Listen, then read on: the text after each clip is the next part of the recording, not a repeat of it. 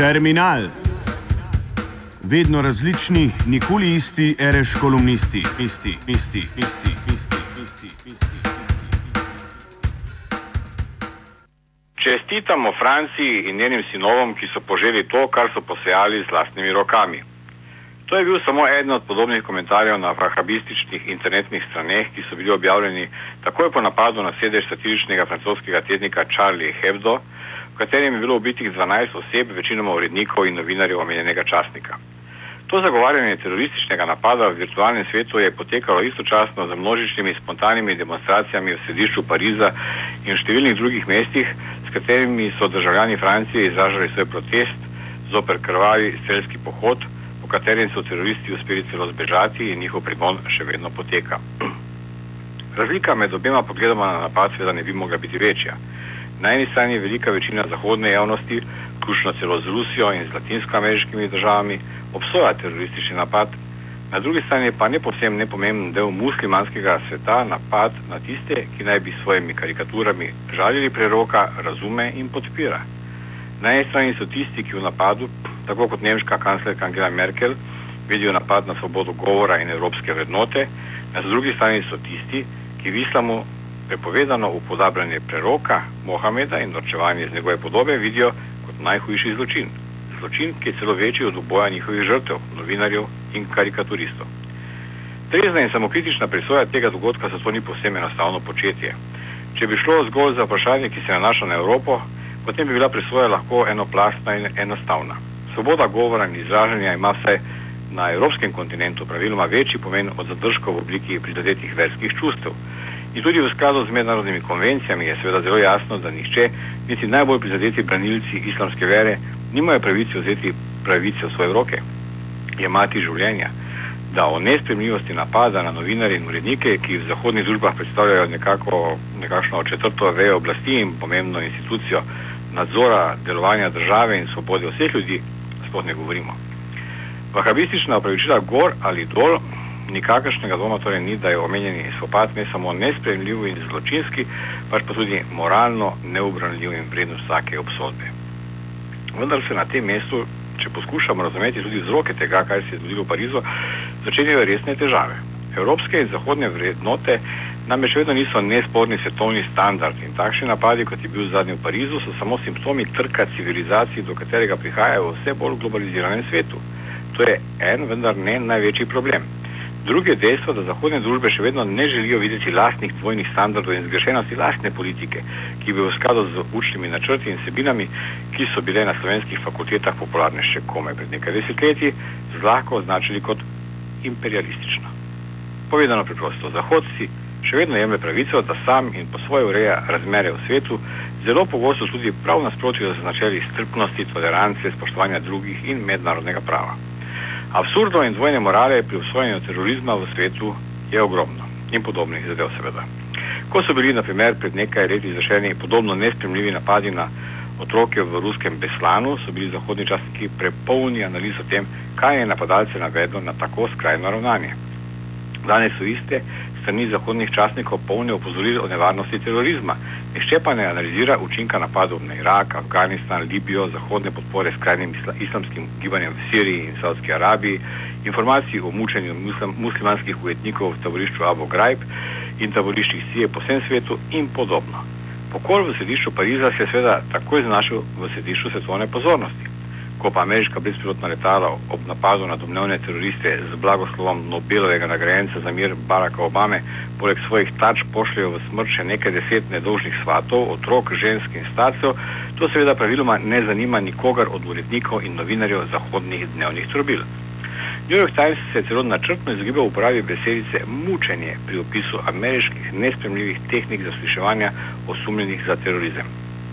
Evropski časniki so danes polni opozoril o velikem pomenu svobode govora. Ne zdi pa se jim, na primer, čudno, da je nedavno Evropski parlament sprejel celo resolucijo, s katero je poskusil znova za rešetke spraviti človeka, ki mu Haško sodišče v 12 letih dolgem postopku ni uspelo dokazati, da je bil s svojimi govori kriv za vojne zločine. Tudi Putin je bil že veliko krat opisan kot avtokrat, tudi zato, ker naj bi preganjal članice Pusirijata. To, da ko se podobni incident zgodi v nemški cerkvi, so storilce takoj preganjali, ne da bi bila Nemčija za to obtožena mračnjaštva. Sicer pa smo vse to lahko videli tudi v naši neposredni soseščini.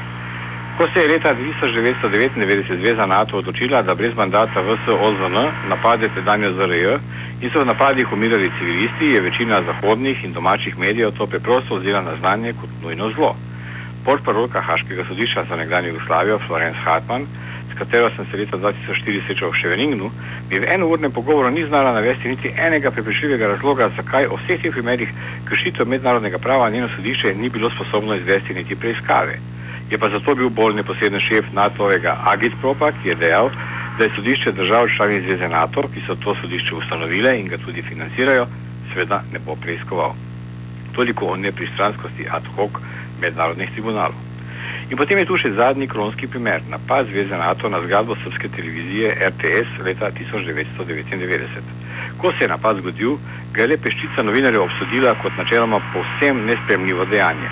Velika večina se je raje krotko strinjala z ocenami propagandistov Zveze NATO, da je šlo pač za udar po pomembnem delu Miloševičeve informacijske infrastrukture. Da je bilo to zelo prav, ker ti novinari sploh niso bili novinari, pač pa so bili le nekakšni propagandisti, In Lucky Strike, tako je s prstom na znamki popularnih cigaret, ta napad sedaj ocenil eden od mojih bivših kolegov.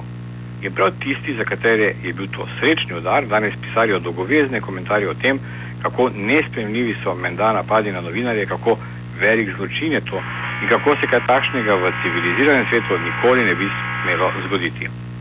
Ali res? Dajmo torej za trenutek zamenjati svoj zorni kot. Bi bilo danes prav, če bi zapisali, da je bil napad na Charlie Hebdo samo briljantno izpeljana vojaška akcija, s katero je bil hudo prizadet, če ne celo dokončno nesposobljen, pomemben vir propagandne infrastrukture Francije in s tem tudi Zveze NATO, ki je v svetu ozirjeval stereotipe o muslimanih. Bi bilo prav, če bi rekli, da je šlo zgolj za eksekucijo ljudi, ki sploh niso bili novinari, pač pa so postali navadni propagandisti. Sveda ne. Napad na novinarje in civiliste, kjerkoli in kadarkoli se zgodi, je nespremljiv vendar ni dvoma, da ga bodo muslimanski skrajneži opravičevali. Tako kot so naši domači skrajneži, ki pa jih seveda ne doživljamo tako, opravičevali napade na tedaj sovražno srpsko televizijo. In v tem so si muslimanski in zahodni domači skrajneži res nad vse podobni. In enim in drugim je v resnici prav figo mar za svobodo izražanja in mednarodno pravo. V resnici jih zanima le zmaga njihove strani v boju, ne glede na ceno. Pred zgradbo uničene televizije v Belgradu je plošča z napisom Zakaj? In isto ploščo bi lahko postavili ne samo pred prosloje francoskega satiričnega tednika, pač pa tudi pred breštevilna morišča nedožnih ljudi po vsem svetu.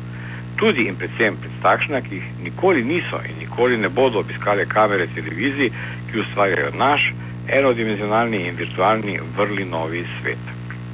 Vendar pa istočasno ne bi smeli pozabiti, kje je pravi vir omenjenih konfliktov.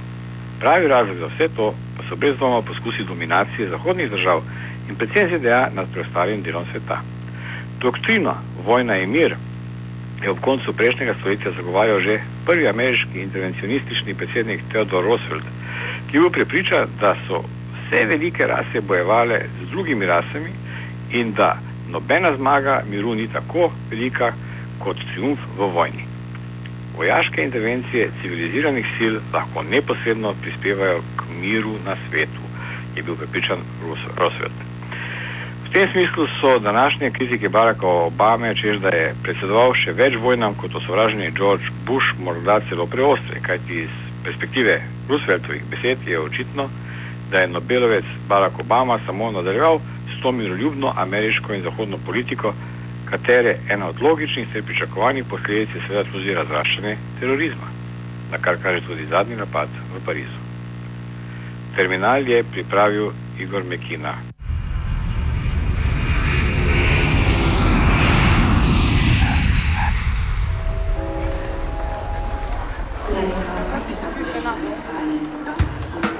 Terminal vedno različni, nikoli isti, reš kolumnisti, isti, isti, isti.